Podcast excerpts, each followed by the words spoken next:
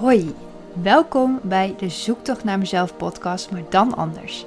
Ik ben Sanne, psycholoog, kunstenares en een beetje anders dan anders.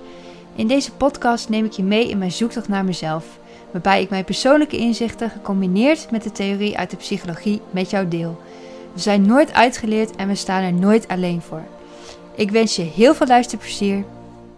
Hallo, hallo. Welkom bij weer een nieuwe podcast. Leuk dat je weer luistert of kijkt. Ik wil deze week hebben over mijn terugval. Ehm, terugval in mijn oude gedrag.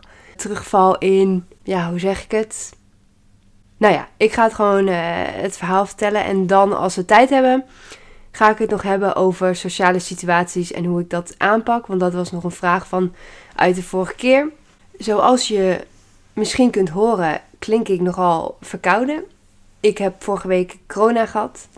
Ik was maar een dagje ziek en daarna ben ik alleen nog maar verkouden. Dus nou ja, helemaal prima. Ik heb gisteren gister ook hard gelopen. Dat was niet echt een heel erg succes, maar het ging ook wel gewoon, ja, wel oké. maar ja, gewoon weer even opbouwen. Daar was natuurlijk net zo goed mee bezig. Maar een van de dingen die ik dus voor mezelf of met mezelf heb afgesproken is dat ik minder mezelf ga dingen opleggen. Dat ik minder van mezelf ga vragen. Want ik heb dus ook vorige week, dat was eigenlijk na de maandag. Ik had op vrijdag uh, was ik echt wel een dagje ziek dus. En die maandag ging ik aan het werk. Toen had ik echt een mental breakdown. Toen zag ik het gewoon allemaal helemaal niet meer zitten. Toen dacht ik echt van, nou, ik moet gewoon überhaupt stoppen met werken. Het gaat allemaal niet. Uh, het lukt allemaal niet. Ik, ik, ik kan het niet. Vooral dat laatste, dat is, dat is altijd heel sterk bij mij. Dat ik het dus niet kan. Terwijl ik ook wel weet dat dat helemaal niet waar is. Maar misschien moet ik bij het begin beginnen.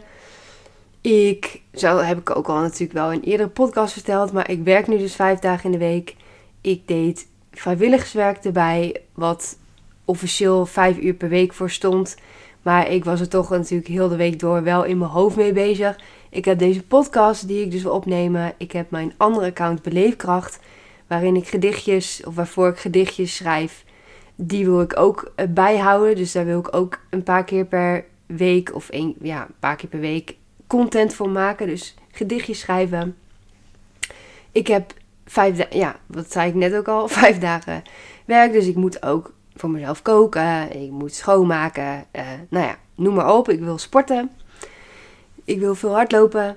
En dat zijn dus allemaal dingen die ik zelf natuurlijk wil. Dus het is niet, kijk, werken, dat moet ik, omdat ik anders financieel, ja, dan anders red ik het financieel niet. Dus werken, nou, dat moet. Alleen, ik werk nu vijf dagen voor twee verschillende banen met heel veel onzekerheid daarbij. En dat schept voor mij dus, of dat zorgt voor mij heel, voor heel veel stress bij mij. En dat ga ik even uitleggen waarom dat zo is. Ik heb de baan bij Rotsmaatwerk voor drie dagen in de week. Rij ik elke dag naar kantoor. Ik heb een uur reistijd, dus dat is natuurlijk ook wel een beetje een, een ja, dat neemt ook weer extra tijd in beslag die je niet aan jezelf kunt besteden natuurlijk. Dus dat is natuurlijk al iets. Ik zit daar op kantoor, wat aan de ene kant ik heel fijn vind, want dan mis ik in die andere baan, waarbij ik alleen maar vanuit huis werk, mis ik dat heel erg. Dat ik echt het fysieke contact met collega's. Dus aan de ene kant vind ik het heel fijn dat ik in mijn andere baan wel naar kantoor mag gaan, maar het kost ook wel weer energie. Ik kom wel thuis. Dan ben ik blij dat ik heel veel eten in de vriezer heb die ik gewoon eruit kan halen en kan warm maken. Ik ben blij dat ik dan niet ook nog hoef te koken. Want de avond, merk ik, is echt zo snel voorbij. En dat is ook de reden dat ik het vrijwilligerswerk heb in ieder geval tijdelijk op pauze heb gezet. Omdat ik het gewoon niet meer trok. Omdat ik dus heel vaak dus in de avond uh, nog afspraken moest plannen met de mensen uit het bestuur. Om bijvoorbeeld een nieuwsbrief te schrijven of om dingen af te stemmen. En daar had ik gewoon niet de energie voor. En ik ben dan van mezelf iemand die, als ik dus in dat bestuur zit, ik wil het ook echt super goed doen. Het liefst een 110% inzet in plaats van een 80% inzet. En dan is het wel vrijwilligerswerk, maar dat maakt voor mij niet een verschil of ik nou betaald krijg of niet. Ik wil het gewoon zo perfect mogelijk doen. En dat zorgt dus dat ik mezelf best wel veel dingen opleg, wat misschien dus helemaal niet nodig is. Maar wat er dus wel in heeft geresulteerd dat ik nu dus echt heb moeten zeggen van... Ik trek aan de noodrem, ik zet tijdelijk mijn activiteiten als vrijwilliger in het bestuur op pauze. Ik blijf nog wel betrokken, zodat als het weer beter gaat en als ik een baan heb gevonden, één baan voor vier dagen in de week, dan heb ik ook weer meer ruimte om wel aan de slag te gaan voor de, uh, voor de uh, eh, NVA. Dus ik heb nog wel contact met het bestuur waar nodig. Nu eventjes natuurlijk zo weinig mogelijk. Ik mag nog wel bij de bestuursvergaderingen aanwezig zijn. Dus ik hou wel in de gaten wat er speelt. Ik hou nog de mailbox in de gaten. Dus het is niet dat ik eigenlijk helemaal niks meer doe. Want uh, ik zou het samen doen met een andere vrijwilligster die erbij was gekomen, het secretariaat. Uh, maar nu blijkt dat zij ook afhaakt. En nu is er dus niemand voor het secretariaat. Dus dan voel ik me wel weer heel erg verantwoordelijk voor het secretariaat. Dus ik kan het niet helemaal in de steek laten. Omdat ik, er is gewoon niemand anders die dat op kan vangen. Nu was er natuurlijk, sorry, zes weken lang, of zes jaar lang geen bestuur. En heeft één vrouw het in haar eentje gedaan. Dus die doet, blijft nu doen hoe ze het altijd deed. Dus dat, het, het is niet dat het nu helemaal aan duigen valt. We waren natuurlijk net aan het opzetten, het secretariaat. Dus het is niet dat, er, dat het al helemaal stond en dat er nu echt heel erg iets wegvalt. Dus dat, ja, dat scheelt voor mij wel. Dat, ja, toch heb ik nog steeds het gevoel dat ik mensen in de steek laat. Dus het is niet dat ik uh, helemaal uh, gerustgesteld of helemaal. Nou ja, het, het, het geeft mij wel een opluchting. Gaf het mij toen ik dus met de voorzitter ook echt al afgesproken van... Oké, ik word nu even met rust gelaten.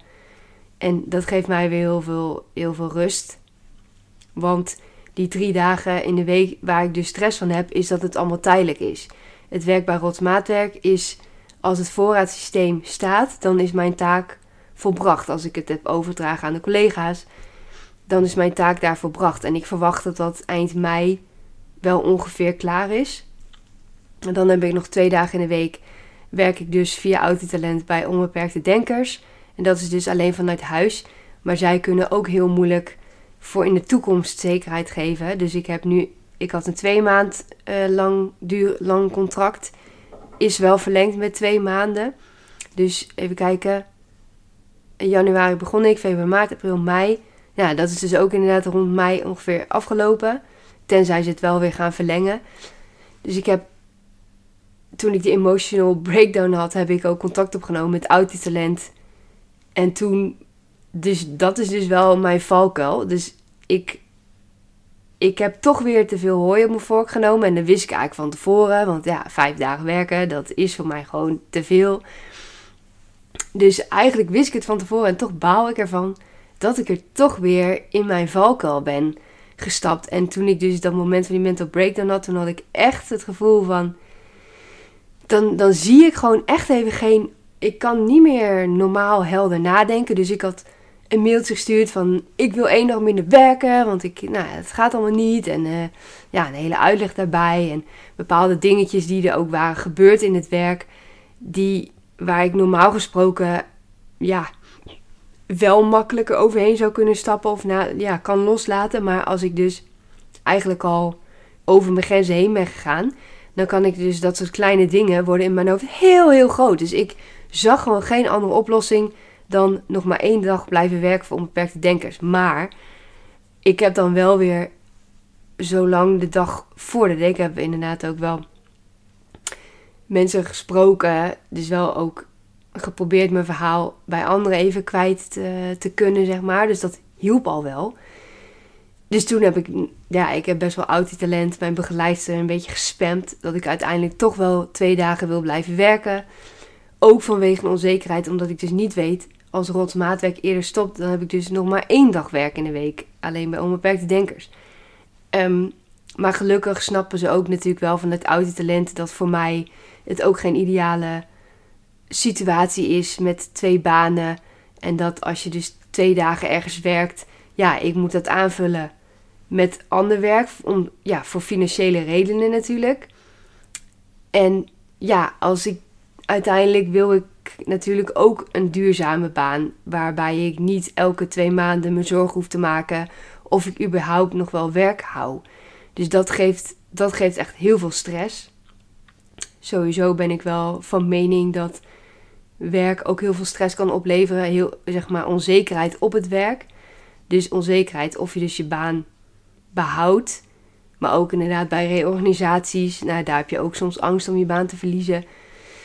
Dat kan heel veel onzekerheid geven. En nou ja, daar ben ik denk ik extra gevoelig voor. Dus afgelopen maandag was het gewoon echt dat ik dacht van... Het gaat niet goed. Dus nou ja, toen heb ik dus wel aan de noodrem getrokken. Dus er zijn wel goede dingen uit voortgekomen. Ik ga dus niet minder werken voorlopig. Ik ben wel ook aan het solliciteren en aan het rondkijken naar dus één baan voor vier dagen in de week. Dus ik wil misschien, als dat mogelijk is, een heel ander een overstap maken naar de IT. Maar dat is misschien wel weer een verhaal voor een andere keer. Daar denk ik al wel langer over na. Dat heb ik nog niet echt ook heel erg gedeeld. Maar dat is iets, nou ja, dat ik ook wel. Ik trek ook wel die projecten naar me toe. Als ik dus bijvoorbeeld bij mijn eerste werkgever trok ik ook wel meer de IT-processen, de IT-dingen naar me toe. Nu bij Rots Maatwerk doe ik dat. En uh, zelfs ook bij onbeperkte denkers doe ik dat. Dus er is wel een soort ja, affiniteit daarmee. En nou ja, ik heb een WO-achtergrond. Ik ben slim. Nou, in ieder geval, ik ben dus op een spoor gekomen van de IT van bijvoorbeeld Agile Consultant of Business Intelligence Consultant. Dus daar ben ik me nu op aan het focussen dat ik, dat ik die richting op wil. Maar ik ga ook via Autotalent een talentenpaspoort laten maken voor, via een loopbaanbegeleider, begeleidster. Dus dat kan ook wel weer dingen inzichten geven in wat eventueel goed bij mij zou kunnen passen. En welke talenten ik nou heb. Want daar heb ik dus heel veel moeite mee om te zien wat mijn talenten nou echt zijn. En wat nou echt mijn toegevoegde waarde is binnen een organisatie. En dat heb ik volgens mij ook wel eens vaker gezegd. Bijvoorbeeld bij Rots Maatwerk werk ik dus samen met mijn ex. En hij zegt dus ook wel heel vaak dat ik dus echt een toegevoegde waarde ben voor het bedrijf. Maar ik zie dat zelf dus niet zo. Dus dat is, ja, dat maakt het ook wel lastig om te solliciteren. En ook, laatst had ik dus ook iemand aan de telefoon die vraagt dus ook inderdaad van, ja, van waar dan de overstap naar de IT. En uh, ja, kun je dingen uitleggen. En dan, dat is wel een mooi bruggetje naar het, het volgende onderwerp wat ik ook nog wilde bespreken. Dat uh, je het moeilijk vindt om in ieder geval, ik vind het moeilijk, laat ik voor mezelf spreken, dat ik dus inderdaad in een sollicitatiegesprek bijvoorbeeld voor het blok word gezet en dat ik niet weet wat ik moet zeggen. Terwijl ik weet eigenlijk uiteindelijk altijd wel iets te zeggen. Alleen de angst om het toch niet te weten zorgt er dus voor dat ik dus heel erg zenuwachtig word. En dat ik dus misschien wel een minder goed antwoord zou geven dan dat ik van tevoren meer zelfverzekerd was geweest van ja, ik zie wel hoe het loopt en, en ik reageer zoals ik reageer. En dat is nou juist een beetje die visueuze cirkel. Want doordat je dus niet helemaal van je op je eigen, als je dus jezelf beoordeelt, dat je jezelf dus niet goed genoeg antwoord vond geven, zorgt er dus ervoor dat je de volgende keer misschien ook weer onzekerder bent. Terwijl juist als je dat kan ja, daar overheen kunt stappen. Of het, ja, dat moet ik nodig zeggen, want ik kan dat zelf dus ook niet zo goed. Maar dat ik de, daar overheen stap en dat ik denk van nou, ik weet gewoon wat ik moet zeggen. En het gek is, ik weet ook gewoon dat bijvoorbeeld ook met het schrijven van sollicitatiebrieven, dat ik daar heel goed in ben. Ik bijvoorbeeld één bedrijf heeft mij benaderd omdat uh, mijn, mijn school contact met hun had opgenomen om te vragen om mij een beetje te polsen daar.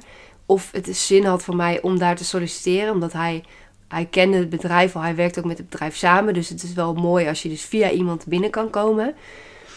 Dus toen ben ik wel natuurlijk benaderd door hun uiteindelijk. Maar een ander bedrijf, daar heb ik zelf een sollicitatiebrief geschreven. En daar ben ik dus helemaal op mijn eigen kracht, mag ik daar op gesprek komen. Dus ik weet dat ik dus daar bijvoorbeeld goed in ben. En ook in een gesprekken weet ik gewoon dat ik heel goed daarin ben. Ik ben er gewoon goed in.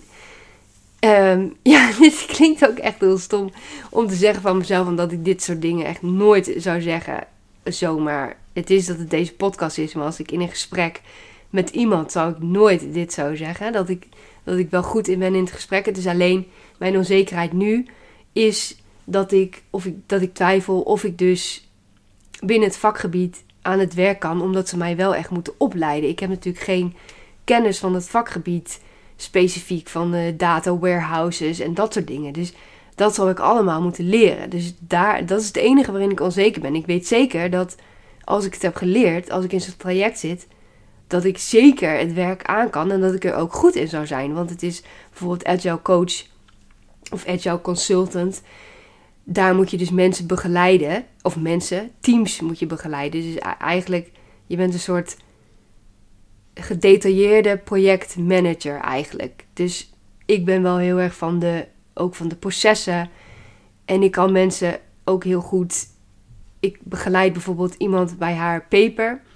Ik ben heel goed in het zien van waar wil je naartoe en wat is daarvoor nodig in die paper bijvoorbeeld om het, om het doel te bereiken die je wil behalen, zeg maar. Dus als ik zelf een paper moet schrijven, dan ben ik daar, dan kan ik dat natuurlijk ook wel.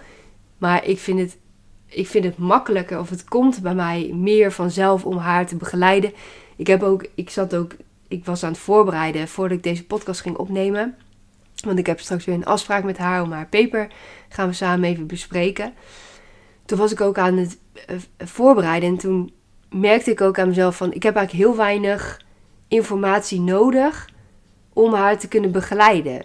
En dat is dus ook iets wat ik wel heb geleerd. Want dat is dus ook van Falco. En laatst uh, sprak ik ook een andere uh, collega met autisme... die ook voor onbeperkte denkers werkt. Dat het wel een valkuil voor ons is... dat we inderdaad dingen veel te uitgebreid aanpakken. Dus ik moet ook wel echt tegen mezelf zeggen: verdiep je niet in het onderwerp van die paper. Want ik kan ook wel uh, heel dat boek gaan lezen en me helemaal verdiepen in het onderwerp. Maar dat is niet nodig om de paper te kunnen, om haar zeg maar te kunnen begeleiden in het schrijven daarvan.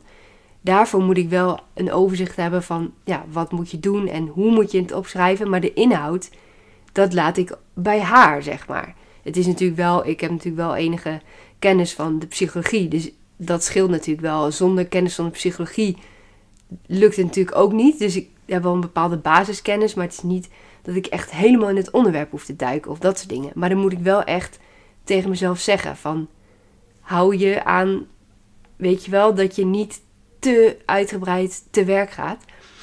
Want uh, die collega van mij, die heeft dus inderdaad een opdracht gekregen en zij heeft het heel uitgebreid aangepakt, waardoor ze dus inderdaad tijd tekort kwam. En dat is natuurlijk heel vervelend, want ik heb gelezen wat ze heeft gemaakt en zij luistert ook mijn podcast. Dus dat is, zo zijn we ook met elkaar in contact gekomen. Want bij onbeperkte denkers heb je best wel weinig contact eigenlijk met je collega's, behalve met de mensen die je echt nodig hebt voor jouw uh, taken. Dus uh, zij heeft mij inderdaad benaderd via Instagram en zo zijn we in contact gekomen. Dus dat is echt super leuk. Maar wat zij heeft geschreven is echt super goed. Dat wil ik nog, moet ik ook nog tegen haar zelf zeggen. Heb ik nog helemaal niet gezegd. Maar ik denk echt, wow, dit is echt vet goed. Alleen, ze heeft dus heel erg moeite om het minder uitgebreid te maken. En dat herken ik dus ook wel heel erg. Ja, dat ik met bepaalde dingen. En dat was ook grappig. Die scharrel van mij, die heeft mij dus aangeprezen bij dat bedrijf.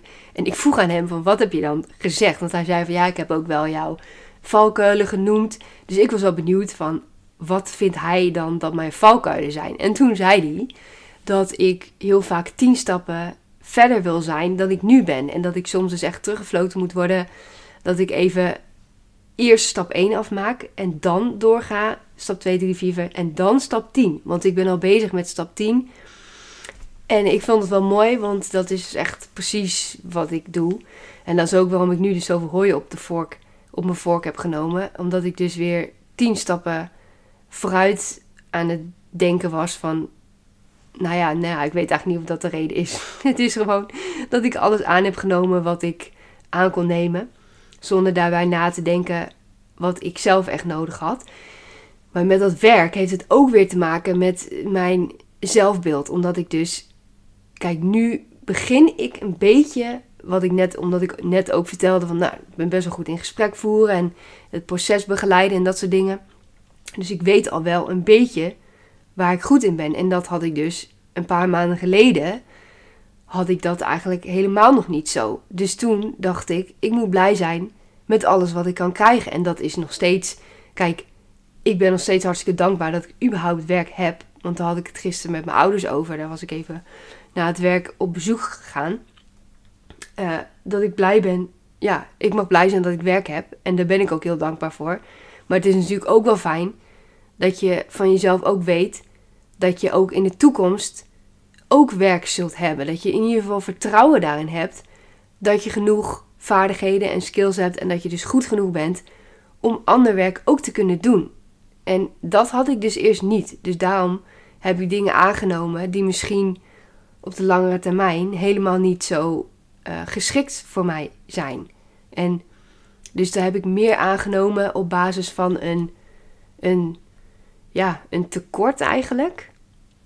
Dat ik bang was om een tekort te hebben dan dat ik, ja, dat ik, dan dat ik echt voor mezelf iets gunde. Of dat ik echt dacht van ja, dit gun ik mezelf en dit past ook bij mij en dit is ook wat ik nodig heb. Daar heb ik gewoon helemaal niet over nagedacht. Ik dacht gewoon, ik moet geld hebben en ik heb nu te weinig geld, dus ik neem dit aan. dus um, aan de ene kant is het natuurlijk ook een soort noodzaak omdat ik geen uitkering meer wilde hebben en ik kan wel werken, dus ja, het voelde gewoon echt niet goed om in een uitkering te blijven. Alleen je moet het werk inderdaad wel kunnen vinden. Maar ik heb nu dus wel veel meer vertrouwen erin dat ik ook werk zal vinden. En ik vind het nog wel heel spannend, bijvoorbeeld dus maandag, dat ik een, een kennismakingsgesprek heb uh, in, de, in de IT. En dat vind ik wel spannend, omdat ik dus niet zo goed weet of, ik dus, ja, of er genoeg kennis vanuit mij is en of er ruimte is om mij op te leiden. En dat soort dingen. Dus dat vind ik wel ja, heel spannend, maar dat is wel iets waar ik echt voor wil gaan. En ik heb ook besloten dat ik stop met. Ik heb ook een patroon dat ik energie steek in dingen waar geen toekomst in zit. Dus bij ons maatwerk, waar ik dus op kantoor altijd zit, daar had ik heel erg in het begin van. Ik wil daar wel langer blijven. Ik wil wel kijken of er meer voor mij te doen is. En daar moest ik heel hard voor vechten. En op een gegeven moment heb ik gewoon besloten van waarom zit ik zo te vechten om hier te blijven? Er is geen plek voor mij. Ik kan mijn talenten eigenlijk niet kwijt. Dus ik ben wel van toegevoegde waarde. Maar ik, ik, moet natuurlijk voor de lange termijn, om gelukkig te blijven in mijn werk, heb ik ook wel een bedrijf nodig die mij ook wel echt waardeert op mijn talenten. En nu is het meer, ik word gewaardeerd omdat ik het voorraadsysteem doe, maar niet omdat ik het voorraadsysteem doe, zeg maar. Dus het had net goed iemand anders kunnen zijn. En het is natuurlijk bij heel veel banen, het kan natuurlijk net goed iemand anders zijn. Maar wel dat je ook als persoon, ook je unieke kwaliteiten en je talenten, dat die ook benut worden. Dat vind ik wel echt heel belangrijk. En dat is ook in de bedrijven waar ik nu gesolliciteerd heb, daar doen ze dat ook echt heel erg. En het mooie daarvan is, is in de IT heb je ook heel veel, als je daar dus wel eenmaal in opgeleid bent, heb je ook heel veel baangarantie. En dat is voor mij gewoon, dan merk ik nu dat ik daar gewoon heel veel stress van krijg. Dat er dus geen zekerheid is. En dan weet je natuurlijk nooit hoe het loopt. Dus het kan altijd dat je dat een bedrijf failliet gaat of weet ik veel wat er kan gebeuren. Ja, je weet niet hoe het, hoe het kan lopen. Dus het is niet zo dat ja, als je in een, in een vakgebied gaat waar gewoon heel veel baangarantie is, dat je dan ook altijd een baan hebt. Dat is natuurlijk helemaal niet gezegd. Maar wel meer garantie dan dat ik nu maar wat doe, zeg maar. Ik, ik moet voor mezelf, ik moet, dat heb ik mezelf als doel gesteld, van ik moet een, een doel hebben qua werk, van waar wil ik naartoe en hoe moet ik dat gaan doen. Ik heb ook voor mezelf bijvoorbeeld gezegd van, ik wil als ik dus niet bij de bedrijven aan de slag kan waar ik heb gesolliciteerd, dan ga ik sowieso verder solliciteren, maar ik ga ook in mijn eigen tijd, ga ik kijken wat er voor nodig is dat ik over een jaar bijvoorbeeld wel genoeg basiskennis heb, basis, basisvaardigheden om dus wel bijvoorbeeld agile consultant om daarop te solliciteren als junior, junior. Ja, kan mij het wel schelen hoe laag het is, junior, junior, junior. Weet ik veel. Maakt me niet uit. Maar als ik maar, zeg maar ergens kan beginnen. En vanuit daar kan ik op lange termijn groeien. En het is ook in IT heb je ook zoveel mogelijkheden qua doorgroei en dat soort dingen. Dus het, het gaat mij helemaal niet eens om het geld. Het gaat mij erom dat ik voor de langere termijn een baan heb waarin ik gelukkig kan werken. En ik merk dat het me nog steeds hoog zit als ik erover praat. Omdat ik daar nu gewoon heel erg in zit in dat proces. En ik ben eigenlijk wel blij dat ik nu zeg maar emotioneel word tijdens deze podcast. Dan heb ik dat zeg maar een beetje eruit. Als ik het dus bijvoorbeeld precies over dit onderwerp ga hebben tijdens mijn gesprek maandag. Dat ik dan dus minder emotioneel reageer. Want dat is dus wel bij mij. Als ik eenmaal het zeg maar kwijt ben, een beetje.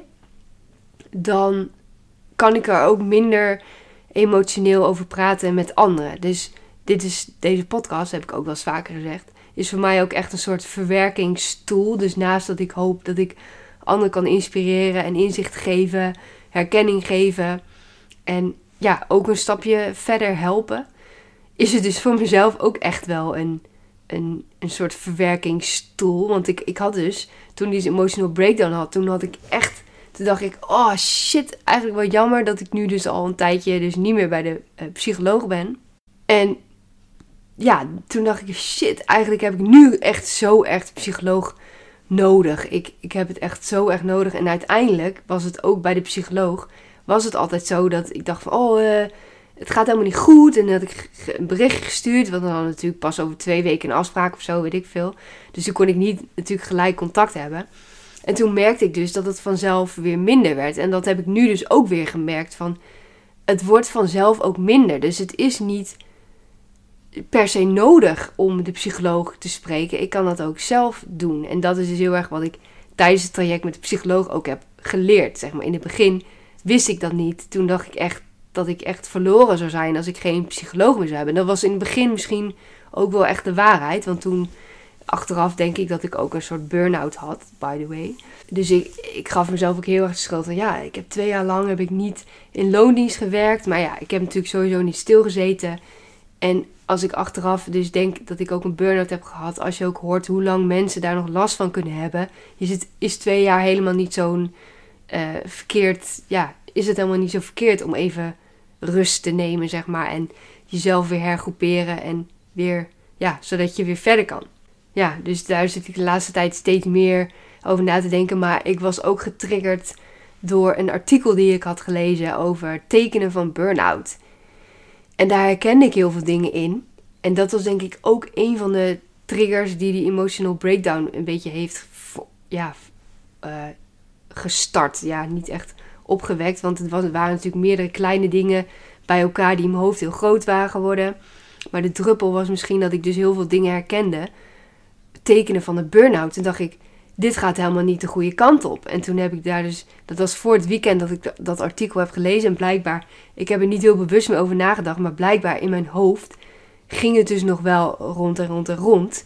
En dan op een gegeven moment komt dat er dus toch bij mij uit. En echt, het was echt overweldigend ook, die emotional breakdown. Dat ik echt dacht van, wow, dit, hier kom ik gewoon niet meer uit. Het gaat gewoon allemaal, ik moet dingen niet meer doen. En uh, dus aan de ene kant is het veel te overdreven reactie.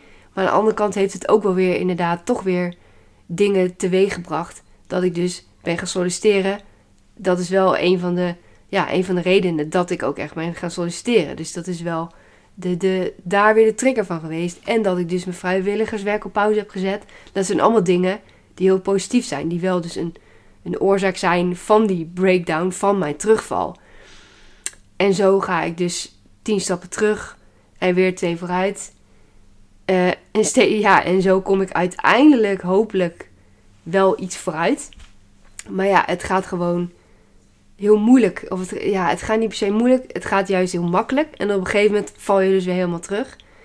En dan gaat het weer makkelijk en dan val je weer terug. En dan maar steeds kom je toch ietsje verder. En zo, ja, dat is een beetje het proces ook van, denk ik, van het leven. Dus dat is misschien wel een mooie afsluiter. Want ik zie dat we alweer, uh, alweer bijna een half uur bezig zijn. Het gaat echt super snel, want ik had eigenlijk ook meer uitgebreid in willen gaan op sociale situaties. Ik kwam even niet op het woord. Maar ja, misschien kan ik daar volgende keer nog wat extra aandacht aan besteden. Sowieso, als je een onderwerp hebt waarvan je denkt: oh, daar, daar ben ik wel nieuwsgierig naar, of ben wel benieuwd. Dan hoor ik het ook graag, want ik merk dat ik ook door de drukte dat ik weinig inspiratie heb qua onderwerpen. En nu gebeurt natuurlijk heel veel in mijn leven waar ik dus inspiratie uit haal. Dat ik inderdaad ook hoop dat dat herkenning geeft. En hopelijk dat ik ook een beetje de positieve kanten eruit haal. Van hoe kun je daar nou. Ja, wat, hoe ga ik ermee om in ieder geval. Dus ik hoop dat je ook dit keer er weer wat aan hebt gehad. En laat het dus weten. Onderwerpen, heel erg welkom. Heel erg welkom. En ook als je mee wilt doen in de podcast, is het ook heel erg welkom. Ik zal alleen de, ja, de komende tijd tot mei is het gewoon voor mij heel lastig. Omdat sowieso moet, moet ik dan met iemand, als je mee wil doen, moeten we dan het weekend afspreken. En ik hoop dat ik dus na mei een baan van vier dagen heb. Waarbij ik dus, als het ook mogelijk is, met andere persoon ook gewoon overdag door de week kan afspreken om een podcast samen op te nemen. Lijkt me echt super leuk. Dus ik hoor het graag en tot de volgende keer. Doei!